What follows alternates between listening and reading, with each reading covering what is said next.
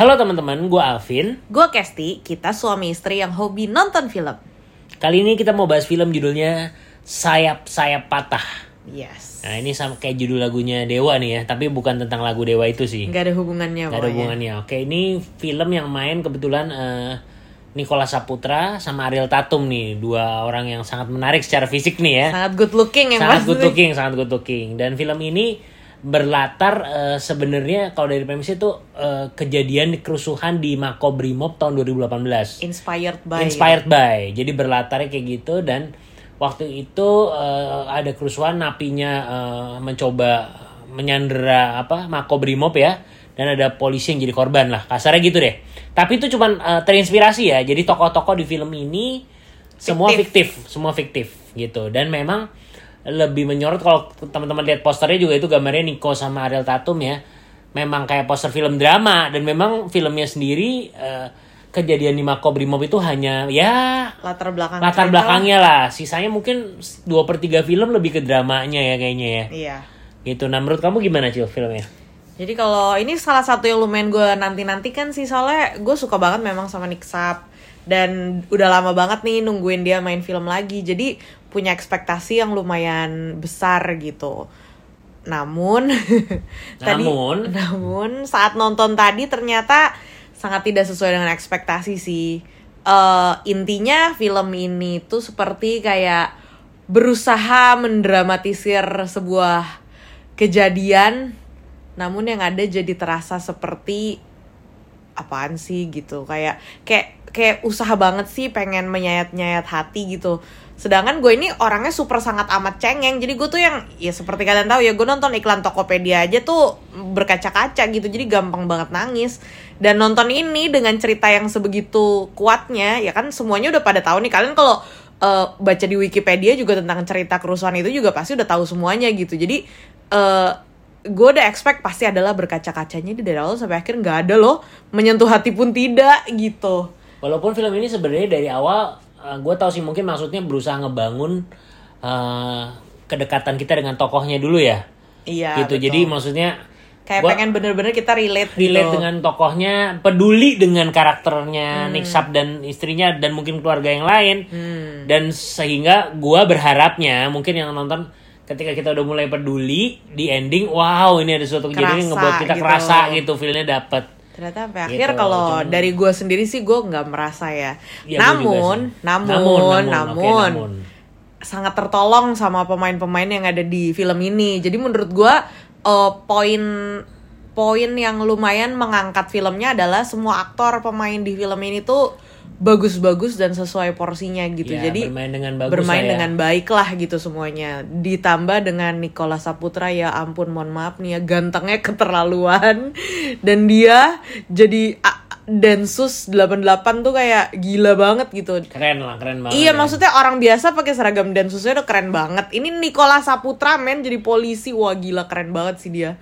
Jadi kayak eh ya sepanjang film cuma mengagumi mengagumi Nicola Saputra gitu. Oke Kalau oke oke. Kalau gue sih sebenarnya dari awal nggak mau terlalu expect banget karena belakangan jujur ya nonton filmnya Rudi Sujarwo tuh ya udah berapa tahun lah.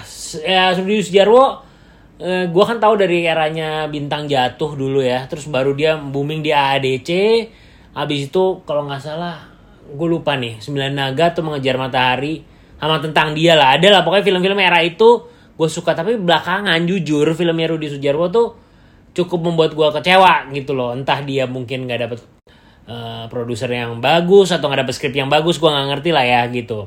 Nah jadi pas nonton ini was was juga nih walaupun tapi gua ngeliat wah ini pemainnya sih banyak yang bagus-bagus nih.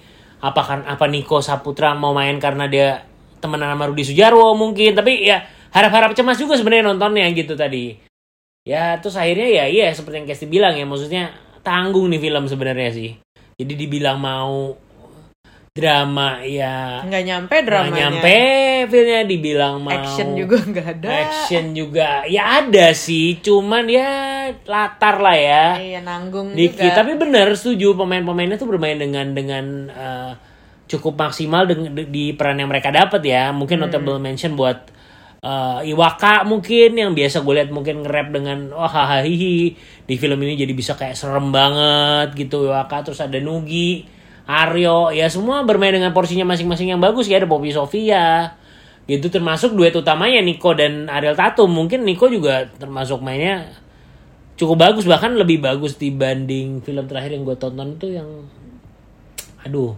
filmnya Miles lah itu lupa apa judulnya Paranoia Paranoia. Oh ya, paranoia benar. gitu terakhir. Mungkin Niko di sini room roomnya lebih banyak dan dan bagus juga ya. Cuman filmnya sendiri ya itu ya. Eh, tanggung lah tanggung lah bisa dibilang gitu sih. Oh ya satu lagi mungkin eh, musiknya lumayan ngebantu sebenarnya tuh dari Andi Rianto tetep lah. Khasnya lah kalau film drama diiringin sama musiknya Andi Rianto tuh ngebantu banget. Tapi itu pun tidak bisa membuat dramanya jadi maksimal juga sih Nah kalau gue agak berbeda nih, justru menurut gue ini tuh kalau justru kalau mungkin musiknya doang dimainin tanpa ngeliat visualnya itu akan lebih menyentuh daripada kayak tadi. Tadi tuh gabungan soalnya tadi ya. eh, gabungannya tuh jadi nggak enak banget kalau buat gue. Duh mohon maaf nih ya, oh, bapak-bapak sekalian. Se- Seperti biasa gue bilang selalu semua orang kalau buat karya tuh pasti punya mimpinya masing-masing. Nah, Sebenarnya gue tuh ngerti arahnya mau ke mana gitu. Cuma entah kenapa tadi pas gue nonton dengan visual adegan yang seperti kayak mau sangat berusaha sangat mendramatisir adegan itu, terus ditambah dengan lagunya eh, lagunya yang tuh super tau gak sih yang kayak biola menyayat-nyayat banget gitu yang kayak terus jadi kayak kenapa sih maksa banget gitu kayak bener-bener pengen maksa orang terus menitikan air mata gitu tapi jadi di, jadinya di gue kayak berasanya gila nih kayak gue dipaksa-paksa malah jadi kayak nggak kepengen gitu Iya, iya. tapi itu maksud gue tadi bukan yang itu ya, bukan musik yang biola itu ya. Tapi musik-musik yang cuma Iya, iya, piano iya, doang iya, yang iya, ngebantu ngiringin adegan-adegan eh, sederhana lah. Khasnya Mas Andi Rianto. Oke lah, kayaknya cukup lah ya.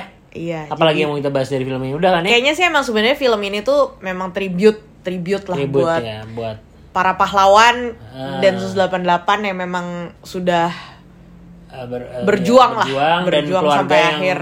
Dan harus keluarga- berkorban ya, kehilangan banyak waktunya karena ya tapi yang pasti sih sejak bertugas. nonton ini jadi salut sih maksudnya Hmm. eh, nggak mudah banget gitu untuk menjadi seorang agen Densus Yes. 88 dengan segalanya jadi buat semua bapak-bapak Densus 88 kepolisian semua saya super salut kalian keren lah bisa bekerja hidup. Yes. dengan keseharian seperti itu Yes, dan review film ini kita review filmnya ya, nggak ada hubungan sama instansi terkait atau apa pun. Jadi mohon maaf kalau ada yang tersinggung. Mungkin itu aja deh. Ya, bottom Iya. line eh, rate dari kamu? Hmm, 6,5 deh. 6,5 ya. Ah, aku ya masih sedikit lebih dikit sih, lebih lebih baik sedikit ya 6,9 deh. Oke. Jadi rata-rata 6,7 ya. Oke. Oke, official rate eh, buat film Sayap Saya Patah dari asal ke sini adalah 6,7. Oke, teman-teman Oke. silahkan nonton di mana aja asal Ke sini dengerin reviewnya. Bye.